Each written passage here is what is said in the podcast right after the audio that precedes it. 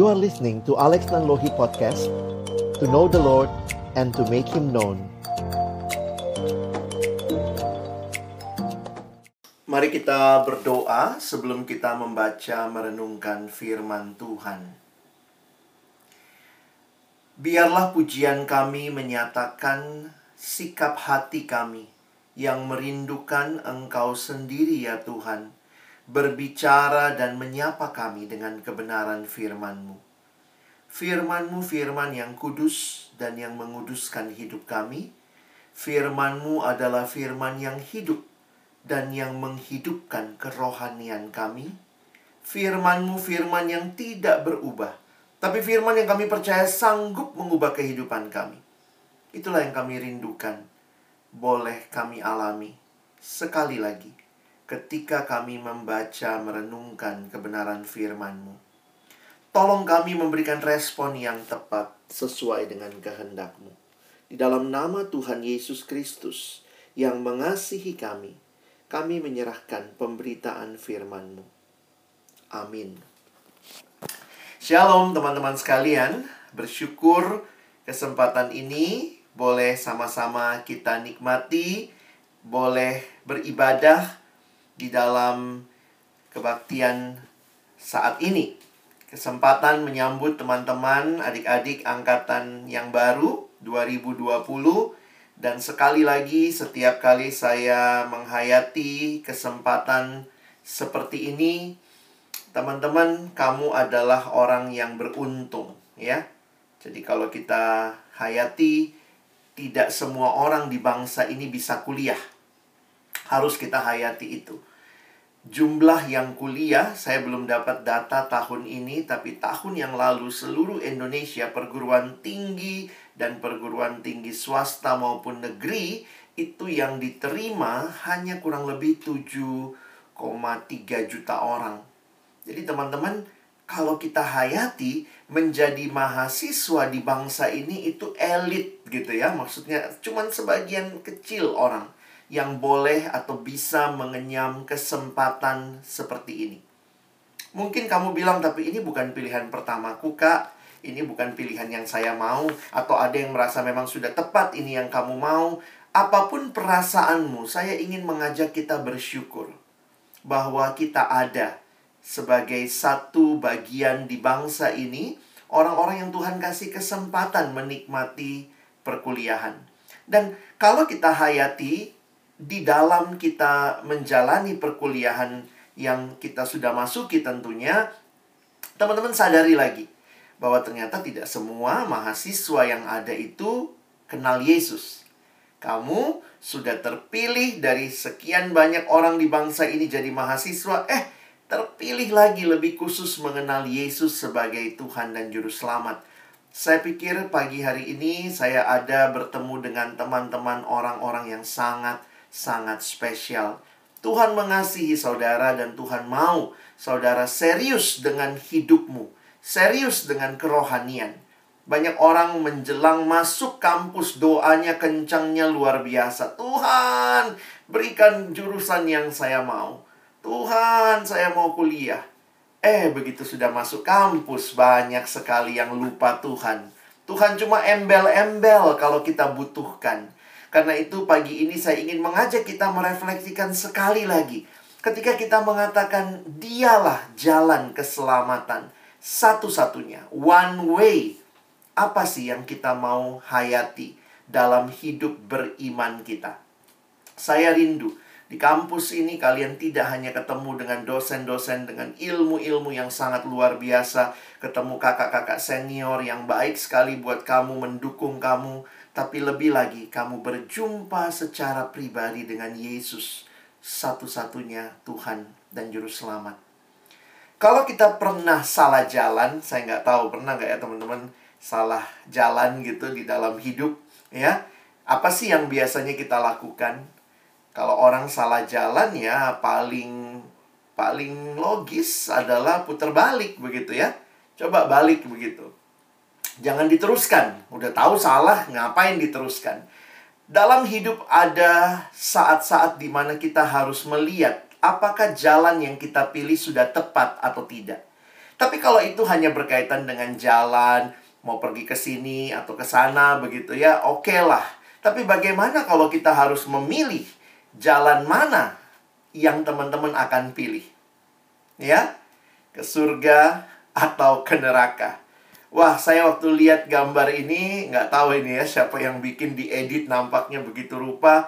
Tapi ini memberikan kepada kita pemahaman yang menarik betapa pentingnya kita tidak salah jalan. Nah, ada baju yang pernah Kak Alex lihat ada orang pakai, tulisannya menarik sekali buat saya. Tulisannya begini, masa kecil bahagia, masa muda foya-foya, masa tua kaya raya, mati masuk surga. Wah, jujur teman-teman, kalau ada hidup kayak begini, saya yang pilih hidup seperti itu pertama kali. Sayangnya hidup bukan seperti ini. Banyak orang yang hanya mau masuk surganya. Hanya mau senang-senangnya. Hanya mau hidup enak, tetapi dia lupa apa yang sebenarnya Tuhan sediakan baginya.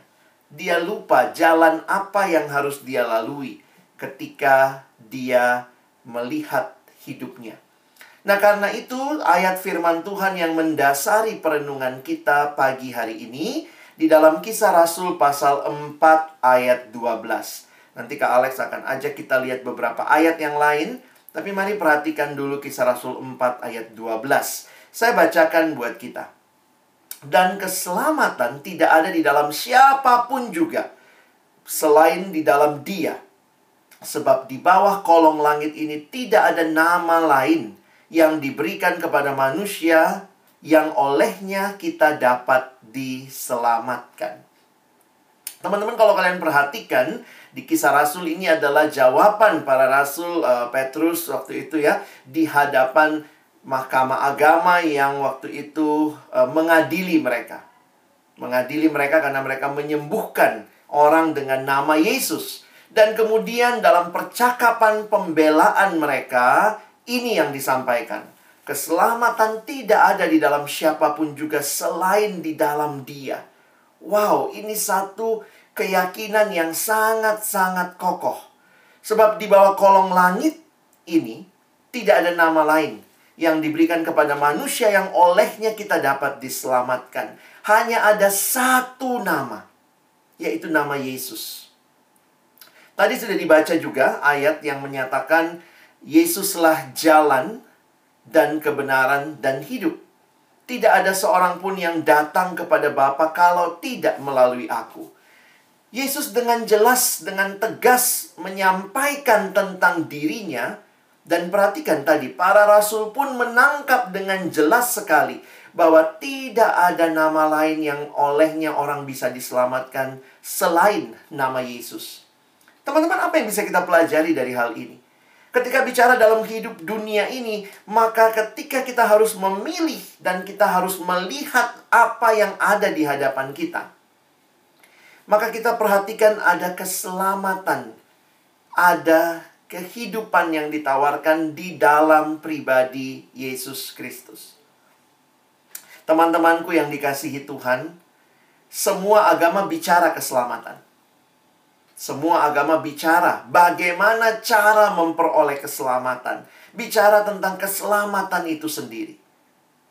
Bahkan bicara keselamatan kita pun dalam dunia ini dalam hidup sehari-hari kita maunya selamat begitu ya. Sampai bisa bayangkan gitu ya. Sapaan kita satu sama lain pun selamat ya.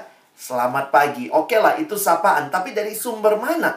Waktu saya mempelajari, menghayati, ini sebenarnya mau bilang begini. Semoga pagi ini engkau selamat. Ya, selamat pagi. Lalu nanti selamat siang, begitu ya. Selamat malam. Maksudnya, diharapkan engkau selamat, ya. Nah, teman-teman, realitas selamat ini dirindukan oleh semua orang. Semua orang mau damai, mau tenang, mau selamat. Tetapi kekristenan berbicara tentang keselamatan yang berbeda. Kenapa? Karena misalnya begini, saya bilang selamat pagi. Oke lah, pagi ini kamu selamat. Yakin, siang nanti masih selamat. Siapa tahu ya, ketimpa motor atau ketabrak mobil, maaf ya jelek banget contohnya. Tapi gambarannya adalah, kalaupun kita sudah selamat, apakah kita akan terus selamat? Misalnya setelah ditabrak motor, wah dibalut, pergi ke rumah sakit, sembuh, dua minggu udah sembuh. Terus apakah kemudian nggak bisa celaka lagi? Dalam hidup kita selalu ada kemungkinan mengalami celaka. Jadi selamat itu sesuatu yang sangat dirindukan dan perhatikan kekristenan bicara tentang selamat dari bahaya yang terbesar dan terakhir. Kekristenan tidak sekedar bicara keselamatan sekarang. Karena habis kita selamat sekarang, siang ini bisa kita nggak selamat lagi, sore nanti, malam nanti. Kekristenan bicara selamat dari bahaya yang terbesar dan terakhir. Ketika kita tahu bahwa dunia ini ada ujungnya, di mana setiap orang akan berhadapan dengan Tuhan yang menciptakan dia dan harus memberikan pertanggungjawaban. Karena itu setiap kita akan menghadapi ya bahaya apakah kita didapati setia atau tidak. Nah, bahaya ini nih yang kemudian kita lihat kekristenan berbicara tentang hal ini. Nah, semua agama bicara tentang bagaimana cara supaya saya bisa selamat. Itulah yang ditawarkan oleh berbagai agama. Bagaimana caranya? Apa yang harus saya lakukan? Apa yang harus saya turuti supaya saya selamat? Tetapi kekristenan berbicara berbeda. Bukan apa yang harus saya lakukan supaya selamat, tapi perhatikan. Kekristenan bicara apa yang Yesus lakukan supaya engkau dan saya selamat. Beda? Oh, beda banget. Semua agama bicara apa yang harus saya lakukan supaya selamat. Semua agama bicara bagaimana mendatangi Allah. Kekristenan bukan berbicara itu. Kekristenan berbicara apa yang Yesus lakukan supaya engkau selamat, supaya saya selamat. Dan kekristenan bicara Allah yang turun jadi manusia semua agama mengajarkan bagaimana manusia bisa naik mencapai Allah. Kekristenan berkata tidak. Allah yang turun jadi manusia. Karena itu kalau kita bicara one way, saya ingin mengajak kita melihat pagi hari ini tiga hal. Dalam kaitan ini, saya ingin mengajak kita melihat tiga hal. Dan Kalex ingin kita belajar dari satu ayat yaitu 1 Petrus 2 ayat 24 ya. 1 Petrus 2 ayat 24. Nah, silakan teman-teman kalau ada Alkitab kalian bisa lihat. Saya ada sedikit gangguan koneksi, sebentar nanti saya masuk slide lagi ya. Gala uh, eh, 1 Petrus pasal yang kedua ayat yang ke-24. Oke? Nah, saya tuliskan ayatnya di depan, kalian bisa perhatikan. Saya bacakan. Ia atau Yesus sendiri telah memikul dosa kita di dalam tubuhnya di kayu salib, supaya kita yang telah mati terhadap dosa hidup untuk kebenaran. Oleh bilur-bilurnya kamu telah sembuh. Sekali lagi ya, kita baca dengan mic yang tetap di off. Kalian ikut membaca ya, satu dua ya. Ia sendiri telah memikul dosa kita di dalam tubuhnya di kayu salib, supaya kita yang telah mati terhadap dosa hidup untuk kebenaran oleh bilur-bilurnya kamu telah sembuh. Nah, kenapa Kak Alex angkat ayat ini? Karena di dalam ayat ini kita menemukan gambaran yang sangat jelas tentang keselamatan dari kekristenan, ya. Sekali lagi, ke ke keselamatan bukan dari perspektif manusia mencari Allah, tetapi bagaimana Allah mencari manusia. Itulah Injil kasih karunia. Ada tiga hal yang saya ingin kita pelajari pagi ini. Yang pertama adalah perhatikan yang Kak Alex garis bawahi. Yang berwarna merah, yang saya garis bawahi, yang pertama adalah kita manusia yang berdosa. Yang seharusnya memikul hukuman dosa kita sendiri, yaitu maut.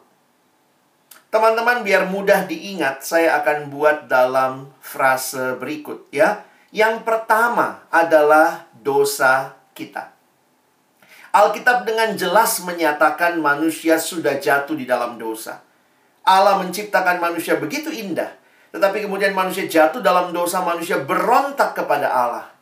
Salah satu istilah yang muncul menggambarkan dosa adalah dipakai di Alkitab kita istilah dalam bahasa Yunani hamartia. Hamartia itu adalah gambarannya begini. Seperti orang mau memanah. Harusnya kan yang kena itu sasaran yang paling tengah.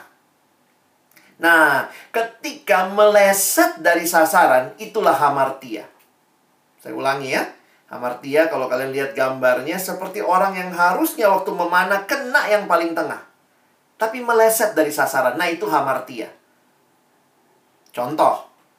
Kalau saya dan teman-teman kita dicipta untuk memuliakan Allah. Tapi ketika manusia berontak kepada Allah itu hamartia. Tidak sesuai dengan sasaran awalnya. Harusnya di dalam kehidupan kita sesuai dengan Allah menciptakan kita, maka harusnya kita memuliakan Allah. Tetapi di dalam dosa manusia mengatakan bukannya Allah yang dimuliakan.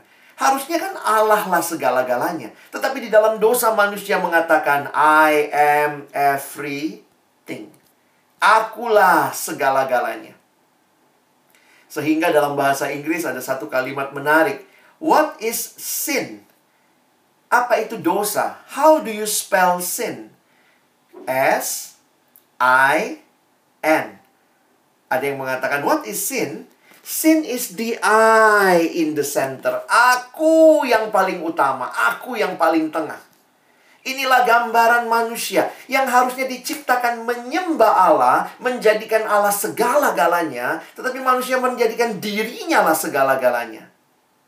Hamartia hilang dari sasaran. Bukan mencapai sasaran dicipta. Satu lagi, manusia itu kan harusnya dicipta mengasihi sesama. Tetapi ketika manusia kemudian menyalahkan satu sama lain, masih ingat Adam sama Hawa? Ditanya, kau makan buah pohon itu Adam? No, gara-gara dia. Dan kemudian kejadian empat mencatat seorang abang tega bunuh adiknya sendiri. Ini bukan yang seharusnya. Seharusnya mencapai sasaran yaitu mengasihi. Tetapi dosa membuat manusia di dalam dosa tidak mencapai tujuannya dicipta. Bukannya mengasihi, malah membenci, malah saling menyalahkan. Sehingga kalau teman-teman perhatikan hal ini, dosa itu semua sifatnya relasional. Karena apa? Karena kita memang manusia, makhluk relasi, relasional ya. Kita dicipta dalam relasi dengan Allah, berarti ada targetnya. Allah harus dimuliakan.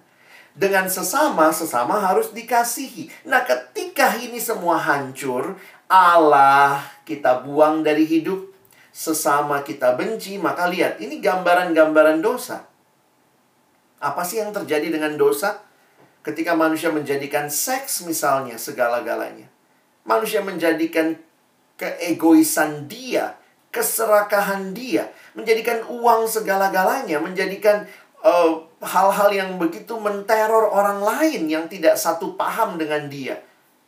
Manusia melakukan semua yang dia nikmati, yang menjadikan dirinya lah segala-galanya, bukan lagi Allah. Dosa begitu mengerikan, sehingga ada gambaran yang mengatakan begini: sedikit saja kamu buka celah sama dosa, jangan kaget karena kalau engkau melakukan sedikit saja buka celah sama dosa-dosa makin lama makin masuk, makin masuk, makin masuk dan makin besar mengambil hidupmu. Ada ilustrasi yang menarik di Arab itu kalau di padang gurun itu menarik ya. Kalau malam itu dingin sekali, kalau siang tuh panas sekali. Wah, jadi menarik ya. Siangnya panas, malamnya dingin. Karena begitulah kira-kira cuaca di padang gurun. Nah, ada hal yang menarik pada malam hari misalnya ya kalau ada uh, saudag saudagar yang naik onta malam hari kemudian dia bikin tenda begitu ya. Dan waktu dia bikin tenda karena dingin sekali, maka ini tips ya. Kalau un unta itu kan kedinginan di luar ya. Nanti tiba-tiba unta itu bisa masukkan kepalanya ke dalam tenda. Nah, itu secara teknis harus disuruh keluar uh, unta itu. Jangan dibiarkan dia masuk kepalanya lama-lama karena kalau diizinkan masuk kepalanya, Nanti lama-lama mulai dari hidungnya lalu kemudian nanti dia masuk ke dalam tenda badannya, lehernya, badannya sampai akhirnya seluruh badan masuk dalam tenda malah orang Arabnya yang di luar tenda. Ini gambaran dosa. Sedikit saja kamu kasih celah, dosa akan mengambil seluruh hidupmu. Beberapa orang bicara dengan saya, iya kak ya kayak begitu ya, memang dosa tuh membelenggu. Iya, ini yang dosa lakukan. Dosa digambarkan begitu membelenggu. Awalnya kita cuma coba-coba icip-icip kata anak Jakarta. Beberapa orang mulai sama rokok. Ya, coba-coba. Awalnya juga nggak langsung beli, minta dulu. Lama-lama kau dibeli sama rokok. Akhirnya kau tidak bisa hidup tanpa itu. Habis makan, aduh, uh, asam nih, asam. Ayah, uh, mesti ngerokok. Akhirnya yang terjadi adalah dosa tuh membelenggu, teman-teman. Demikian juga yang terjerat sama pornografi. Awalnya sih cuma nonton sebentar, nonton dikit, lama-lama koleksi, lama-lama distribusi bahkan. Ngeri sekali. Dosa sifatnya membelenggu. Dan hati-hati, kita bisa dibelenggu oleh hal-hal yang seperti saya katakan tadi. Dibelenggu oleh minuman keras. Di daerah banyak sekali hal-hal yang seperti ini. Bahkan di tengah-tengah orang Kristen, kayaknya mabuk itu biasa sekali. Rokok ganja mungkin atau obat-obatan. Tapi bukan hanya ini teman-teman, mungkin kamu bilang, wah saya mah nggak kayak gitu kak, wah saya anaknya nggak dibelenggu. Oh, tapi ini belenggu-belenggu modern juga ngeri teman-teman ya. Apakah ini membelenggumu saat ini? Jangan-jangan yang membelenggu kamu HP-mu begitu ya. Katanya ini smartphone, tapi banyak orang yang justru dengan HP yang canggih ini akses pornografi jatuh dalam dosa terlibat dalam dosa pakai smartphone ini smartphone atau goblok phone? Begitu mengerikan, banyak keterikatan yang tanpa kita sadari. Punya HP baik, tapi ketika kita terikat dengan pornografi di dalamnya, dengan hal-hal yang tidak sepantasnya, betapa mengerikannya HP yang canggih itu. Jadi, banyak hal yang juga, misalnya ya, saya lihat sekarang orang dibelenggu oleh berhala-berhala modern. Kalau Kak Alex kasih nama ya, Betapa mengerikannya. Kita butuh belanja, tapi jangan jadi gila belanja. Ya cinta belanja. Apa-apa belanja, dia hanya sejauh klik. Pokoknya gampang gitu ya, bisa di order nanti datang free ongkir dan seterusnya. Ini gambaran kita akhirnya membeli yang kita nggak butuh. Beberapa orang kalau mau beli sesuatu, eh kenapa kamu beli itu? Hi lucu, lucu. Hah? Karena lucu. Akhirnya banyak orang yang nggak bisa menguasai hatinya. Karena ketika hati semua diikuti, ngeri sekali. Sekali lagi nggak salah belanja, tapi kalau belanja menjadi segala-galanya, mengikat kamu, mau tidak mau akan selalu terus belanja, ini yang mengerikan. Dan ini juga terjadi dengan banyak hal yang lain. Adakah yang sedang dibelenggu oleh hal ini? Drama Korea? Wah, sangat capek, tapi nggak bisa berhenti nonton, begitu ya. Kalau lihat Alkitab sebentar cepat sekali ngantuknya. Tapi kalau lihat drama Korea biar 10 episode melek terus. Ada yang salah dengan kerohanian kita. Tentu nggak salah nonton drama Korea. Saya juga nonton. Tapi pertanyaannya kita membuat diri kita dibelenggu atau kita nonton sebagai kita yang tuan. Bukan drama itu jadi tuan atas hidup kita. Banyak drama sekarang gitu ya. Yang begitu bagus ditampilkannya, sinematografinya, ceritanya, dan kayaknya bikin kita penasaran begitu ya. Saya nggak tahu nih kalian nonton atau tidak, tapi jangan-jangan kita dibelenggu. Akhirnya kita jadi begitu kuat keinginan hanya untuk nonton dan kita jadi lupa bahwa sebenarnya hidup itu bukan cuma tentang nonton. Yang cowok-cowok ngomong, wah saya emang nggak nonton drama Korea kak, saya nggak dibelenggu sama hal begitu. Ah, mungkin ini yang membelenggu kamu. Apakah kamu dibelenggu oleh game online? Game yang membuat kamu bisa lupa makan, lupa segalanya begitu ya. Bisa begitu rupa fokus sekali begitu ya. Apa-apa nonton, uh, main. Dan ini gambaran-gambaran keterikatan modern. Belum lagi yang saya bilang tadi, pornografi. Ngeri. Banyak orang yang begitu gampang, apalagi sekarang semuanya online begitu ya. Kadang-kadang kita jadi mau belajar atau buka porno begitu ya. Kayaknya apalagi dengan kuota yang banyak ini betapa mengerikan hal-hal seperti ini. Itu dekat dengan hidup kita. Belum lagi yang terbelenggu dengan pergumulan seperti ini, LGBT. Belum lagi ada yang terbiasa dengan seks sebelum pernikahan. rasanya no problem lah having sex. Toh ini hidup-hidup saya. Apa sih yang jadi pergumulan banyak orang saat ini? Alkitab menyatakan ini semua satu kok namanya. Dosa. Dosa menyusup perlahan-lahan. Kita berontak kepada Allah secara sadar dan perlahan. Terjadinya memang pelan-pelan. Sehingga kita tidak mengenali dampaknya yang menghancurkan. Awalnya sedikit coba-coba. Lama-lama masuk lebih dalam. Apa yang terjadi ketika dosa menghancurkan kita? Kita mulai kehilangan rasa hormat terhadap diri sendiri. Kehilangan kemampuan untuk berpikir sehat kehilangan kemampuan untuk berkata jujur, kemampuan untuk memberi karena orang dalam dosa itu sibuk untuk dirinya sendiri. Boro-boro ngasih, boro-boro melayani, semua untuk dirinya. Kemampuan untuk mengasihi, kehilangan kemampuan mengasihi dan bahkan kehilangan kemampuan untuk hidup kudus. Karena itu lihat, di dalam dosa akibatnya membawa ketidakpastian, membawa rasa bersalah, kekosongan, frustasi, keterikatan. Sehingga Alkitab mengatakan dengan jelas upah dosa ialah maut. Teman-teman, ini realita yang Alkitab sampaikan kepada kita. Dan apa yang saya ingin ajak kita lihat sama-sama. Ternyata akhir hidup manusia dalam dosa adalah maut. Selamat? Tidak. Tapi ada hal yang menarik yang kedua, ya. Sekarang perhatikan yang ke Alex garis bawahi. Ia sendiri telah memikul dosa kita di dalam tubuhnya di kayu salib. Sekali lagi, keselamatan kita bukan apa yang kita lakukan, tetapi apa yang Yesus lakukan bagi kita. Kristus memikul hukuman dosa kita, yaitu maut tadi, melalui kematiannya di kayu salib. Agama lain bicara apa? Bagaimana supaya kau selamat? Ini yang kau lakukan. Lakukan satu, dua, tiga, empat. Kekristenan berkata apa yang kita lakukan? Yang kita lakukan cuma dosa dan akhirnya maut. Karena itu keselamatan kita adalah Kristus yang memikul hukuman dosa kita. Frase berikutnya yang perlu kita pahami adalah salib Yesus.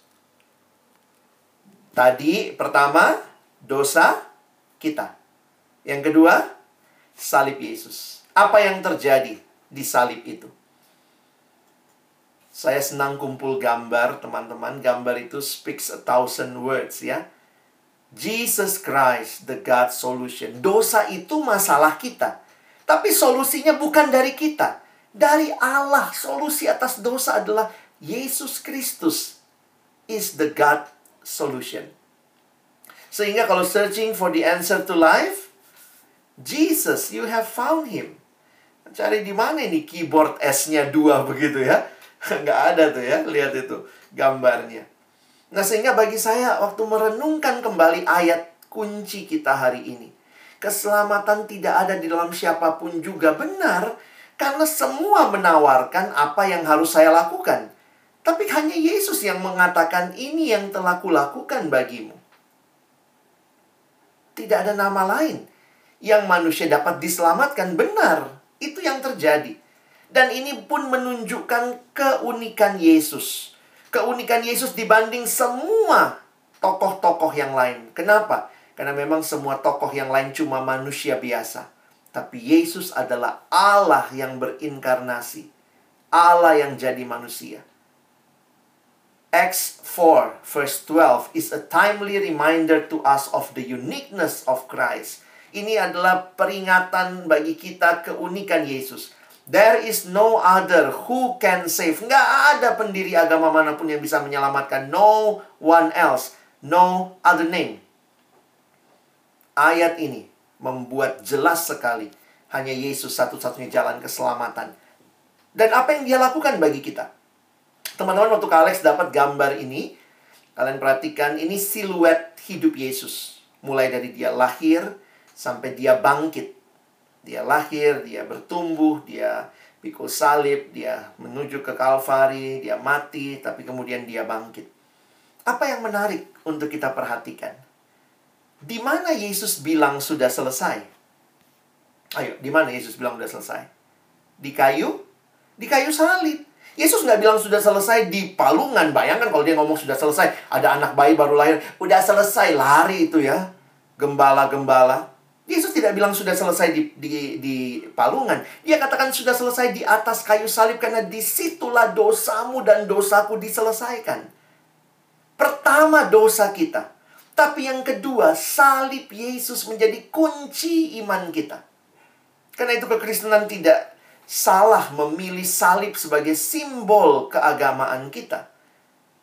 Pendeta Billy Graham mengatakan Allah membuktikan kasihnya pada kayu salib ketika Kristus digantung, berdarah, dan mati, itulah saatnya Allah berkata kepada dunia, "Aku mencintaimu." Salib Yesus menyatakan kasih Allah yang sungguh besar bagi manusia berdosa. Karena manusia berdosa nggak bisa ngapa-ngapain. John Stott dalam satu tulisannya mengatakan kalimat yang indah ini. If we are looking for a definition of love, we should look not in a dictionary, but at Calvary. Wah, ini susah diterjemahkan ya, karena ini ada permainan kata. Kalau kita mau mengerti kasih yang sejati, bukan lihat kamus, tapi lihatlah di Calvary itu. Kalau sekarang habis nonton drama Korea, gimana? Gimana kasih itu? Uh, apa sarang-sarang begitu ya? Sarang semut, sarang tawon begitu ya. Kita bilang, oh ini kasih. Bukan ini kasih. Dalam kekristenan, this is not love. But this is love. Inilah kasih itu. Allah mengaruniakan anaknya yang tunggal bagi kita di kayu salib. Di kayu salib itu dosa telah dikalahkan.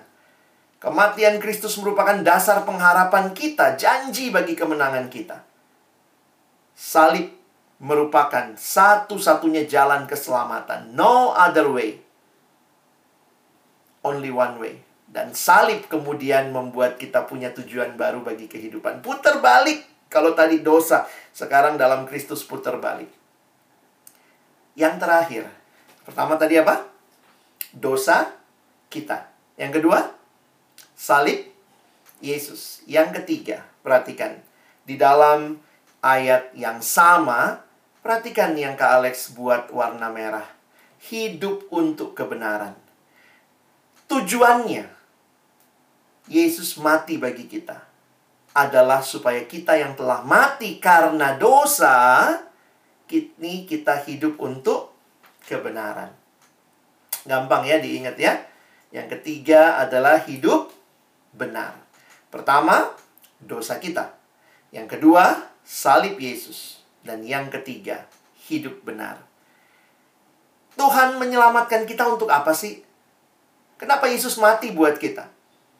Kalimat dari John Stott mengatakan begini, kematian Kristus tidak saja memastikan pengampunan kita, bahwa kamu pasti diampuni, tetapi juga kematian yang memastikan kekudusan kita. Kenapa? Karena Tuhan mau kita yang sudah mati di dalam dosa terhadap dosa, sekarang kita hidup untuk kebenaran. Perhatikan baik-baik ayatnya. Makanya kenapa Kak Alex pilih ayat ini? Karena semuanya terangkum di dalamnya. Dosa dibicarakan apa yang Yesus lakukan dibicarakan dan bagaimana respon kita. Sekarang bukan lagi hidup di dalam dosa, bukan lagi hidup dalam ketidakbenaran. Kalau kau alami Yesus yang hidup itu di dalam hatimu, hidupmu berbeda. Kalau engkau berbalik dari jalan yang salah and now you follow the one and only way, which is Jesus, maka ada perubahan hidupmu. Paulus berkata, kamu sudah dibayar lunas Muliakan Tuhan dengan tubuhmu. Iya ya, harusnya begitu. Cara belajarmu berubah. Jangan main nyontek, jangan cuma main copy paste tugas. Bukan itu cara belajar yang benar. Saya sekarang anak Tuhan, saya mau giving the best for God. Cara bergaulmu berubah.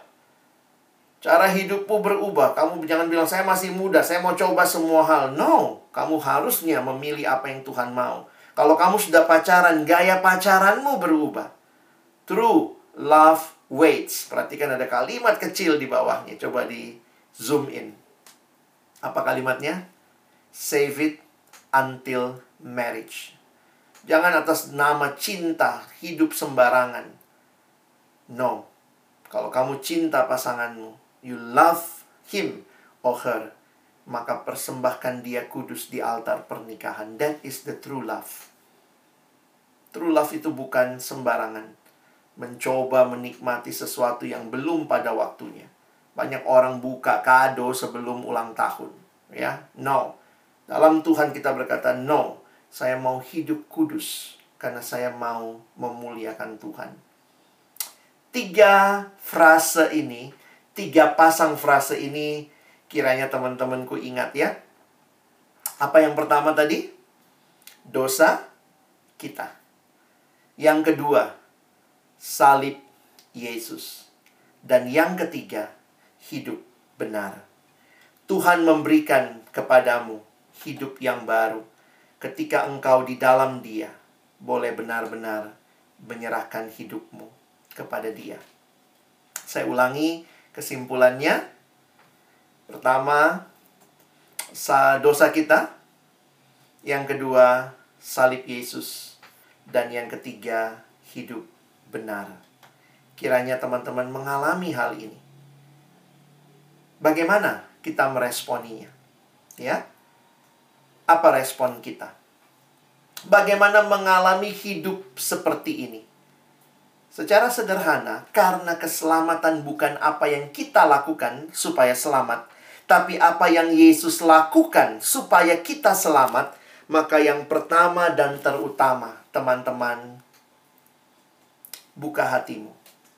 Terimalah karya keselamatan itu di dalam hatimu. Open your hearts for Jesus Christ. Saya dari kecil Kristen, tapi saya kenal Tuhan sebenarnya secara pribadi ketika zaman SMA.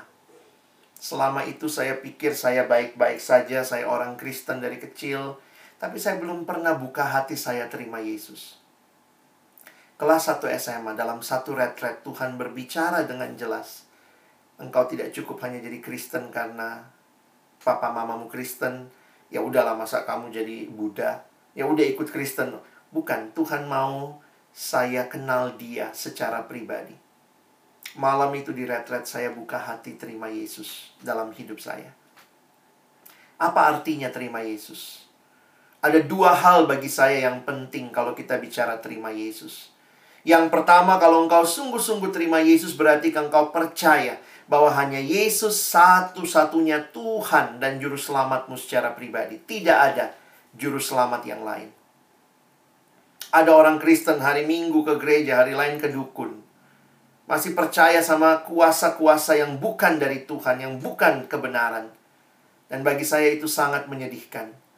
Kalau kita bicara kekristenan, kita mau bicara tentang hidup yang kekal di dalam Kristus, maka percaya sungguh-sungguh kepada Yesus sebagai satu-satunya Tuhan dan juru selamatmu secara pribadi. Percaya itu seperti ini, teman-teman ya. Orang yang percaya itu menyerahkan dirinya kepada orang yang dia percaya. Kalau agama-agama lain dibicaranya apa? Apa yang harus saya lakukan? Jadi bukan dia berserah, tapi dia terus berusaha. Apalagi yang harus saya lakukan? Apalagi yang harus saya lakukan? Tapi kekristenan berkata, Yesus sudah melakukannya bagimu. Dan kalau dia sudah melakukannya bagimu, serahkan hidupmu sama dia. Percaya, Tuhan Yesus saya nggak bisa bawa hidupku ke surga. Tapi engkau yang adalah jalan keselamatan yang diberikan Bapa. Saya percaya kepadamu engkau sanggup bawa saya ke surga. Itu artinya, terima Yesus. Kau bukan lagi percaya dirimu bisa bawa dirimu ke surga. Tapi kau percaya bahwa Yesus yang sudah diutus Bapa menyelamatkan manusia berdosa. Di dalam dialah, di dalam namanya lah, dalam kuasanya. Engkau percaya dan engkau mengalami keselamatan. Sudahkah engkau buka hatimu terima Yesus?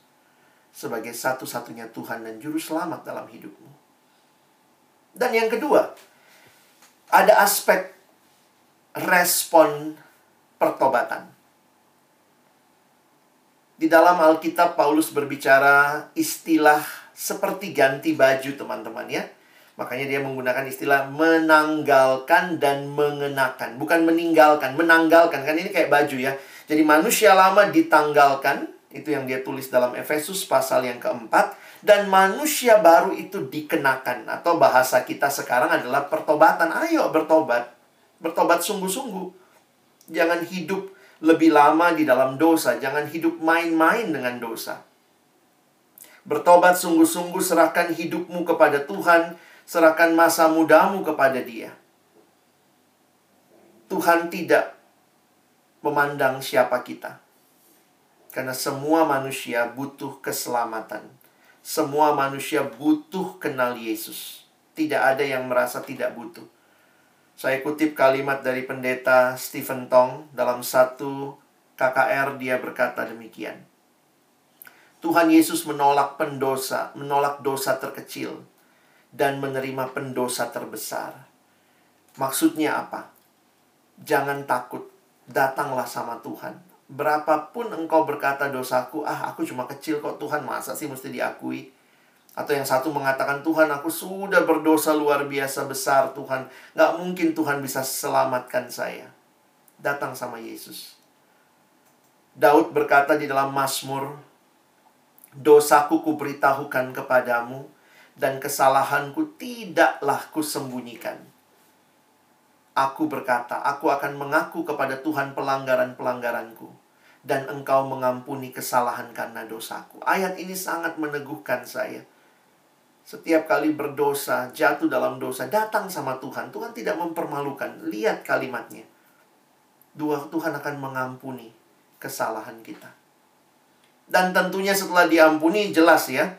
Kita bisa berkata yes to God. Ya Tuhan. Dan no to sin. Ya. Kalau Kak Alex teriak. Uh, yes to God. No to sin. Ya. Jadi jangan terbalik-balik. Kalau saya bilang God. Yes. Sin. No. Sin. No. God. Yes. Harusnya itu sikap kita setelah kita diselamatkan ada komitmen untuk berubah. Tidak lagi hidup dalam hidup yang lama. Kalau kita dulu main-main sama dosa, di sekitar kita ada teman-teman yang menarik kita hidup jauh dari Tuhan. Sekarang kita punya hidup yang berbeda. Mau berbeda. Berbeda karena kita tahu saya tidak ikut dunia. Mungkin semua mayoritas suka nyontek. Kadang-kadang yang yang nggak nyontek yang dianggap aneh ya. Ya ampun nggak nyontek. Ayo nyontek. Semua nyontek kok. Mau berani hidup benar, hidup berbeda. Meskipun sedunia nyontek. Tapi karena saya tahu bukan itu yang Tuhan mau. Saya akan ikut Tuhan, bukan ikut dunia. Ada lagi yang bilang waktu itu, iya kak, saya makanya karena nggak ngerokok dianggap aneh. Kenapa? Semua temanku ngerokok. Nah, saya bilang, coba sama kamu. Coba ganti teman. Cari teman yang semua nggak ngerokok. Kau ngerokok sendiri. Pasti kau yang dianggap aneh. Kadang-kadang kebenaran saat ini ditentukan dari mayoritas, padahal bukan demikian. Kebenaran ditentukan dari firman Tuhan. Maupun walaupun semua orang melakukan itu, kalau bukan itu yang Tuhan mau, engkau harus memilih yang Tuhan mau. Sebagai penutup, saya mendorong teman-teman alami perubahan hidup dan pertumbuhan. Ini adalah ilustra ilustrasi roda dibuat oleh seorang bernama Dawson Trotman. Bapak Dawson Trotman menggambarkan hidup Kristen yang taat seperti roda. Dia menggambarkan karena roda itu mirip seperti uh, gambar ini ya. Roda itu kan yang putar porosnya. Iya juga ya. Jadi dia katakan di tengah, di poros itu harus ada Kristus. Itulah yang menggerakkan hidup kita. Lalu dia menggambarkan dua jari-jari. Satu yang vertikal, hubungan dengan Allah. Satu yang horizontal, hubungan dengan sesama dengan Allah ada dua. Saya bicara sama Allah, namanya doa. Allah bicara kepada saya melalui firman. Makanya dari kecil kita tahu ya bagaimana bertumbuh adik-adik. Baca kitab suci, doa tiap hari kalau mau tumbuh. Ada relasi yang vertikal dengan Allah. Tapi bukan hanya itu. Ada juga relasi yang horizontal. Jadi harusnya kita nggak cuma puas ya baca kitab suci, doa tiap hari secara pribadi. Tapi Tuhan juga merindukan kita punya relasi horizontal dengan sesama, dibagi dua. Dengan sesama orang percaya ke dalam, kita harus rajin bersekutu. Dan bagi mereka yang belum kenal Tuhan, keluar kita bersaksi. Jadi inilah gambaran lingkaran ilustrasi roda. Baca kitab suci, berdoa, bersekutu, bersaksi. Dan kita bersyukur kepada Tuhan. Kalian ada di kampus yang Tuhan juga hadirkan persekutuan mahasiswa Kristen. Saya pikir ini kesempatan yang indah. Bersama-sama dengan saudara-saudara seiman, responi anugerah Tuhan. Beri dirimu terlibat. Di dalamnya kamu pun akan mengalami pertumbuhan imanmu. Tuhan mau kita kenal dia tapi kemudian Tuhan mau kita bertumbuh di dalam dia. Dan karena itulah Tuhan menghadirkan, bahkan di kampus Tuhan hadirkan persekutuan. Tidak semua kampus punya persekutuan yang baik, atau bahkan ada yang tidak punya persekutuan sama sekali. Tapi bersyukurlah kalian ada di fakultas yang punya persekutuan yang merindukan bersama-sama kita bertumbuh di dalam Tuhan. Buka hatimu terima Yesus. Alami hidup yang bertobat sungguh-sungguh. Beri dirimu bertumbuh dalam firman, dalam doa, dalam persekutuan, dan kesaksian. Kiranya Tuhan menolong kita. Bukan cuma jadi pendengar firman, tapi sungguh-sungguh jadi pelaku-pelaku firman yang boleh berkata, "There is only one way." Satu jalan yaitu Yesus Kristus. Dan aku telah alami itu. Aku buka hatiku. Dan sekarang aku hidup bagi dia. Amin. Mari kita berdoa.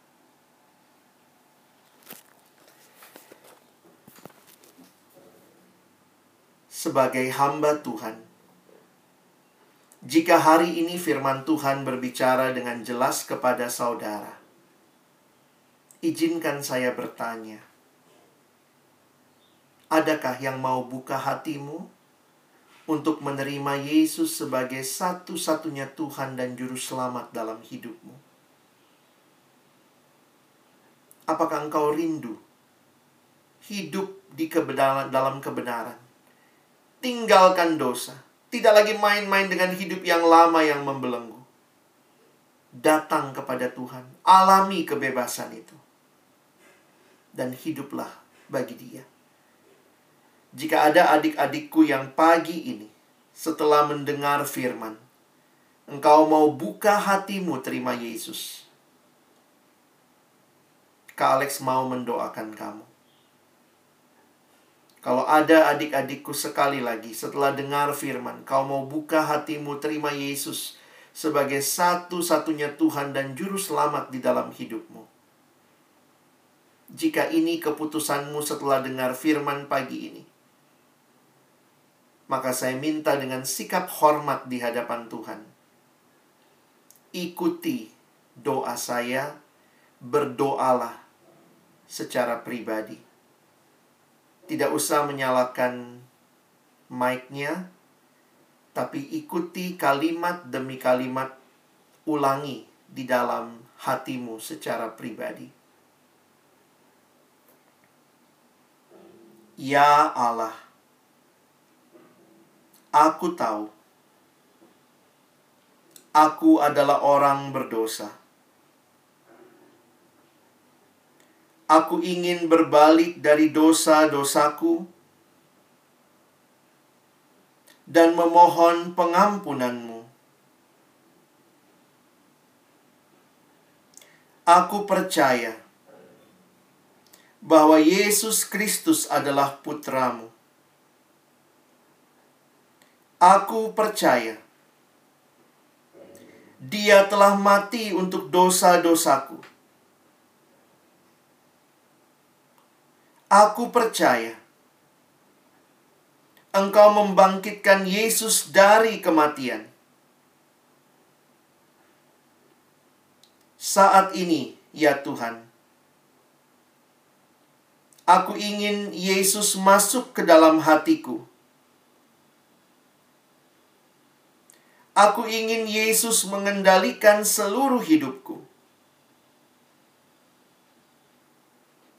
Aku ingin percaya bahwa Yesus adalah satu-satunya jalan keselamatan. Aku percaya Yesus sebagai juru selamatku.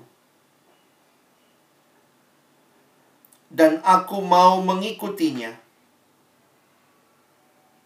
sebagai Tuhanku Mulai hari ini sampai selama-lamanya. Amin.